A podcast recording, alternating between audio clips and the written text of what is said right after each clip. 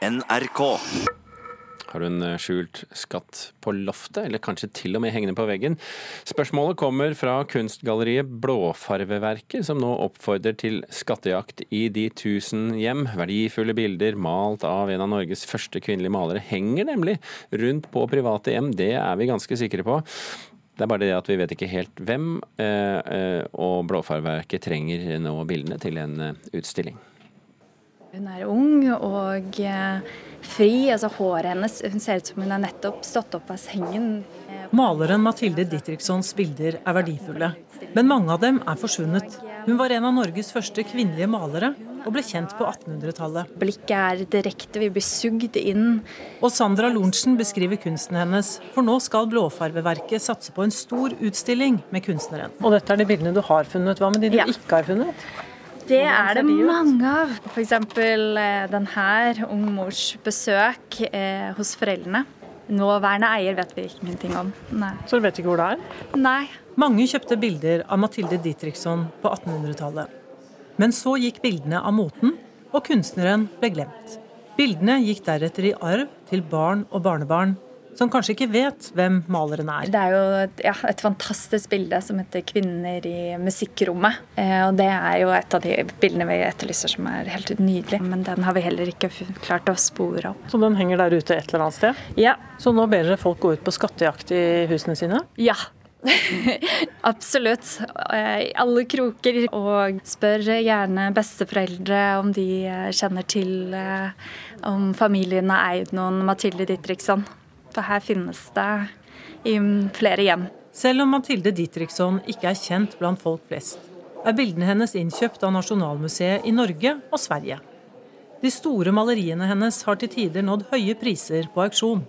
Altså fra 100 000 til 300 000. Altså et hovedverk fra hennes kunstnerskap. Eh, Eh, ble solgt på Grevedel i, i, på 90-tallet til 1,2 millioner. Mathilde Ditriksson var nøye med å signere bildene sine, så man kan sjekke om man har et maleri som hun har malt. Det kan likevel være litt vanskelig, for hun brukte ikke bare én signatur. Så let etter om det er det sånn, eh, Matt Dittriksson, Matt Bonnevie altså Hun er født Bonnevie, det er derfor um, noen er kanskje signert Bonnevie. da. MB, MD, eller bare rett frem Mathilde Dittriksson. Reporter her, det var Elisabeth eh, Grøndal. Med oss i studio nå seniorkurator Ellen Johanne Lerberg ved Nasjonalmuseet. God morgen. God morgen. Du har allerede vært med på jakten etter eh, disse bildene. Har du funnet noe? Ja, altså helt tilfeldig så kom jeg over, eller jeg kom på at jeg hadde sett et av disse bildene hos en bekjent av meg. Så tok jeg kontakt med Blåfarveverket, og de ble veldig glad for at noen hadde funnet det, for de ante ikke hvor akkurat det bildet var, et av de viktige bildene. Så da satte jeg Blåfarverket i kontakt med eieren, og håper bildet kommer på utstillingen. Mm. For de som ser sendingen på fjernsyn, så skal vi vise noen av eh, bildene vi snakker om. Kan du fortelle litt eh, hva vi ser? Ja. Bare få, få opp bildene først. Ja, Vi venter på at bildene kommer fram på fjernsynet, ja, så, så, går vi videre. Også, uh, Mathilde Dittriksson var en av Norges første kvinnelige malere. Mm. Hva slags liv var det hun levde?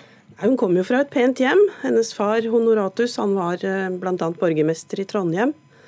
Så hun uh, hadde jo liksom en del i ryggen da hun begynte å tegne og, og male, og å hadde talent. Og så fikk hun da anledning til å få noe utdanning. Blant annet så ble hun oppmuntret av Adolf Tidemann da i Düsseldorf. Og senere så fikk hun jo også anledning til å gå på kunstakademi i Stockholm, for det var det eneste i Europa som tok imot kvinner. Og ellers så måtte de da ha egne kvinneklasser rundt hos sånne ofte middelmådige kunstnere som så det som en levevei. Men hun fikk altså da utdannelse også derfra. Hva var det som karakteriserte bildene hennes? Ehm, på 60- og 70-tallet 1860- og 70-tallet så maler hun en del slike sjangerscener, som vi kaller det. Det er altså motiver som forteller en liten historie, gjerne litt sånn nostalgisk, eh, søtt og hyggelig, med barn eller dyr eller eh, ja. Men, men hvor man kan med enkelhet da få en historie fortalt ut av motivet. Hva skilte henne fra andre kunstnere i, i hennes tid? For det første så det at hun er kvinne og at hun er en gift kvinne med familie. Hun ga ikke opp kunstnerkarrieren fordi hun giftet seg. Eh, og så er hun eh, Hun forsøker seg også da på naturalismen etter hvert, da, men eh, det er nok mer realistisk å, å se på henne som en, en sjangermaler. Som vi gjerne kaller det, da. Ok, og Nå har vi fått opp noen av bildene på fjernsyn. De Ja. fleste eh, hører oss kanskje på radio. Du må fortelle hva vi ser. Ja, Her ser vi da fra et bibliotek, ser det ut som, hvor det er da en tjenestejente med støvklut og feiekost og forkle som har falt i staver over en bok. Og det er litt sånn typisk sjanger, da, for da er det liksom historien om denne unge jenta som endelig har fått seg en bok som hun kan lese i, og forsvinne inn i bokens verden. Og her har vi den unge moren eh, som da kommer hjem til sine foreldre, sannsynligvis, da, med sin lille, lille nyfødte, og, og vise fram da barnet. Og det er en veldig sånn tett eh, komposisjon med alle fire menneskene eh, samlet i, i, på et lite område. Da. Det er veldig sånn nærkontakt mellom alle fire modellene. Og det vi ser her, det er ganske typisk. Ja, det er det. Her kommer det et selvportrett av henne. Hun malte flere selvportretter, og også flere portretter av sin mann, Lorentz Dietrichson, som var Norges første professor i kunsthistorie. Hvor viktig er det at eh, vi finner kunsten hennes? Det er veldig viktig. For vi vet at hun hadde en ganske stor produksjon. Eh, Og det at nå eh, Blåfarveverket har valgt å sette henne på kunstagendaen, er kjempespennende. Og, og det er jo ikke noe grunn til at vi ikke skal se på hennes bilder når vi ser på bilder av 48 mannfolk. Så, så jeg håper virkelig at dette her lander for blåfarverket. Og vi har jo også hatt en satsing sjøl i Nasjonalmuseet, hvor vi har forsøkt å kjøpe inn mye bilder av kvinnelige norske kunstnere, og deriblant Mathilde Dietrichson. Så vi har vel kjøpt tre verk de siste ti åra av henne. Mm. Se om det dukker opp noen flere, da. Ja, det er det. Hadde, altså, hadde, hadde ikke vært meg imot å, å fylle et helt rom med Mathilde Dietrichson. Og Dersom du kanskje er da, en av de som tror du har et bilde av Mathilde Ditriksson, så kan du ta kontakt med Blåfarveverket, som altså skal ha utstilling med henne til våren. Og i, I mellomtiden så kan du også gå inn på nrk.no. Der ligger en del av bildene våre og en del mer detaljer. Ja, og til alle dere voksne som syns det er urettferdig at bare barn får TV-kalendere til eh, jul. I morgen er det nemlig premiere på den norske Netflix-serien Hjem til jul. Dette er en romantisk adventskomedie med blant andre Ida Elise Broch, Hege Skøyen og Dennis Storhøy på rollelisten. Mamma har plassert meg nederst ved bordet sammen med lillebrors tvillinger. Så derfor koker hjernen min akkurat nå, og straks kommer jeg til å si noe som får store konsekvenser både for meg og en del andre. Jeg har fått meg kjæreste. Premisset er enkelt i Hjem til jul. Johanne er 30 år, singel og har løye på seg en kjæreste som familien forventer at hun tar med seg hjem på julaften. Med den romantiske julekomedien som ledestjerne går regissør Per Olav Sørensen for lett gjenkjennelig situasjonskomikk idet han stapper familieindusert singelstress inn i trykkokeren, og det er mye som gleder i denne adventsserien. Dyktige Ida Elise Broch får spille med hele sin karisma og sitt talent som den single sykepleieren Johanne, en hovedrolle som både har sårhet, styrke og sjarm. Ei julestjerne går også til artisten Gabrielle Susanne Solheim Leithaug, som viser fram et naturlig skuespillertalent, og byr på noen aldeles herlige scener, som den sympatiske og ganske egenrådige bestevenninna Jørgunn. Løy på deg en kjæreste. Ja. Da må du få deg kjæreste. På 24 dager. På 24 dager. Jeg skal hjelpe deg. Er piece of cake. Johanne har altså 24 dager på å skaffe seg kjæreste da serien starter, og speeddating, sveiping og velmenende venninneråd brukes alle som redskap i den jakta. Det resulterer i noen veldig morsomme, og en del litt for opplagte, betraktninger rundt moderne datingkultur og kjærlighetslivsvisdom. Serien er klart best i de første episodene, hvor det lettbeinte får utfolde seg med overdrivelser, spretne dialogscener og rikelig med kleine stevnemøtesituasjoner. I seriens andre halvdel lugger det litt i et par anstrengte forsøk på å gi de sentrale rollefigurene noen ekstra lag av dybde gjennom noen dramatiske vendepunkt. Du hvad, du, du må ikke være så hurtig til at dømme menn. Ved du hvad, du skal leve det livet du selv ønsker. Du skal ikke leve det liv, som andre forteller deg du skal gjøre. Jevnt over så sprudler ikke Hjem til jul av originalitet, og serien når ikke de store emosjonelle og rørende høydepunktene som kjennetegner de aller beste romantiske komediene. Men regissør Per Olav Sørensen kan faget sitt svært godt. Og med gode skuespillere og god timing får han sjøl klassikeren Far i julelyskrig med naboen til å sitte i sikringsboksen. Julestemninga sitter også, Førjulskosen fanges både på pub, i barndomshjem og på Jørgunds kjøkken, og vintervakre eksteriørscener, filma på Røros, brukes til å gi Johanne en hjemby som drypp av sparkføre og julekortidyll.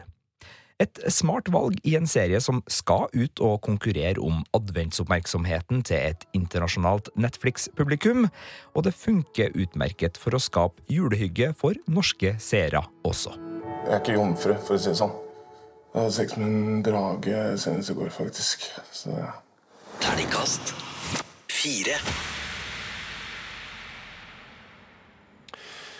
Mangler ikke på store følelser i ungdomslitteraturen eh, generelt, og en av dem som faktisk skriver ganske godt om dem, det er eh, Ane Barmen. Hun fikk nylig Brageprisen for ungdomsromanen 'Draumar betyr ingenting'. Eh, og litteraturkritiker Anne Katrine Straume, du har jo lest den for oss, og da er spørsmålet hva handler den om? Den handler om kjærlighet og død og sorg. Ehm, det er disse store følelsene som eh, jo ofte preger ungdomsbøkene, rett og slett. At, vi, at, det blir en sånn intens beskrivelse av følelser og kaos i en verden hvor man prøver å finne ut hvem man er og hvordan man skal eh, orientere seg, da. Så, akkurat sånn som uh, ungdommen selv er? Ja, det handler altså om Louise. Hun er 17 år gammel, og hun kom hjem på sommerferie. Hun har reist til Ålesund, som er den nærmeste store byen, for å gå på videregående. Og hun reiser dit nærmest som en flukt, fordi hennes beste venn Tormod han døde året før i en ulykke. Eh, og dette ligger på en måte som en sånn slags eh, um, Hun utsetter hele tiden å forklare hva som egentlig har skjedd. Eh, Louise kommer hjem, og hun har mye sinne i seg. Og det bygger nok på denne sorgen, da. Så hun har et krast språk, krangler mye med storesøsteren og moren sin. Apropos språk, det er jo ofte sånn at det skinner igjennom at det er voksne som skriver ungdomsbøker. Gjør det det her òg? Nei, det gjør ikke det. Og det er det som er så fint. Altså, nå er jo Ane Barmen debutant, men hun er utrolig stilsikker til å være helt fersk forfatter. Hun beskriver beskriver nettopp disse store følelsene på en, en, en fin måte. Både liksom de høyravende og liksom dødsangst fordi man har drukket for mye, eller møte med den første seksualiteten. Eh, så, så det blir både liksom smått og intimt og nært, og stort og voldsomt på en gang. Veldig godt gjort. Igjen akkurat sånn som, som ungdommen er. Um, hva, hva, hvorfor er dette en god roman? Det er en god bok fordi den har mange lag. Um, og så gir den også både denne troverdigheten til Louise, da, som får forskjellige utfordringer, men så gir den en del perspektiver på hennes liv. Fordi hun kommer hjem og da får en sommerjobb på gamlehjemmet. Og møter da gamle demente som hun skal ta seg av. Og når hun får deres minner og deres liv eh, fortalt, så setter det også hennes eget liv og hennes eh, verdier uh, og viktigheten i livet i perspektiv. Mm. Jeg tolker det dit hen at dette er en bok du liker, og i så fall så er du jo ikke alene, for den fikk jo da som nevnt Brageprisen. Ehm, men hvis du skal pirke litt, da, hva er det som trekker ned? Ehm, ja, det er en god bok, det har jeg sagt. Men eh, hun, ehm, som debutant kanskje, så vil hun si så mye. Hun vil fortelle mange ting. Og Louise hun får eh, veldig veldig mange utfordringer. Noen ganger så tenker jeg at eh, less is more, det er noe vi kan merke oss. Ehm, men bortsett fra det, så er det en bok som nettopp utvider perspektivet på livet, og som stiller de helt store eksistensielle spørsmålene. Så jeg håper det kommer flere bøker fra hennes hånd. Mm. Og nå er det jo slik at det er noen av våre lyttere som ser dette på TV, og de kan jo se coveret på denne boken. Er det en eh, salgsfremmende tiltak, vil du si? Eh, absolutt ikke. det, har, det, skal være en blekksprut, og blekkspruten har en betydning i boken, men jeg tror ikke jeg ville latt meg friste av dette coveret. Nei. Nei. Så, eh, så, hvis du ser en, en ornamentert blekksprut med veldig mye armer og et lite hjerte midt på, så er det altså boken vi snakker om. Den ser kanskje ikke bra ut. Men, men åpne den opp. Åpne opp og les den, for den er da god. Ifølge vår anmelder Anne Katrine Strømme. Takk skal du ha, Anne Katrine.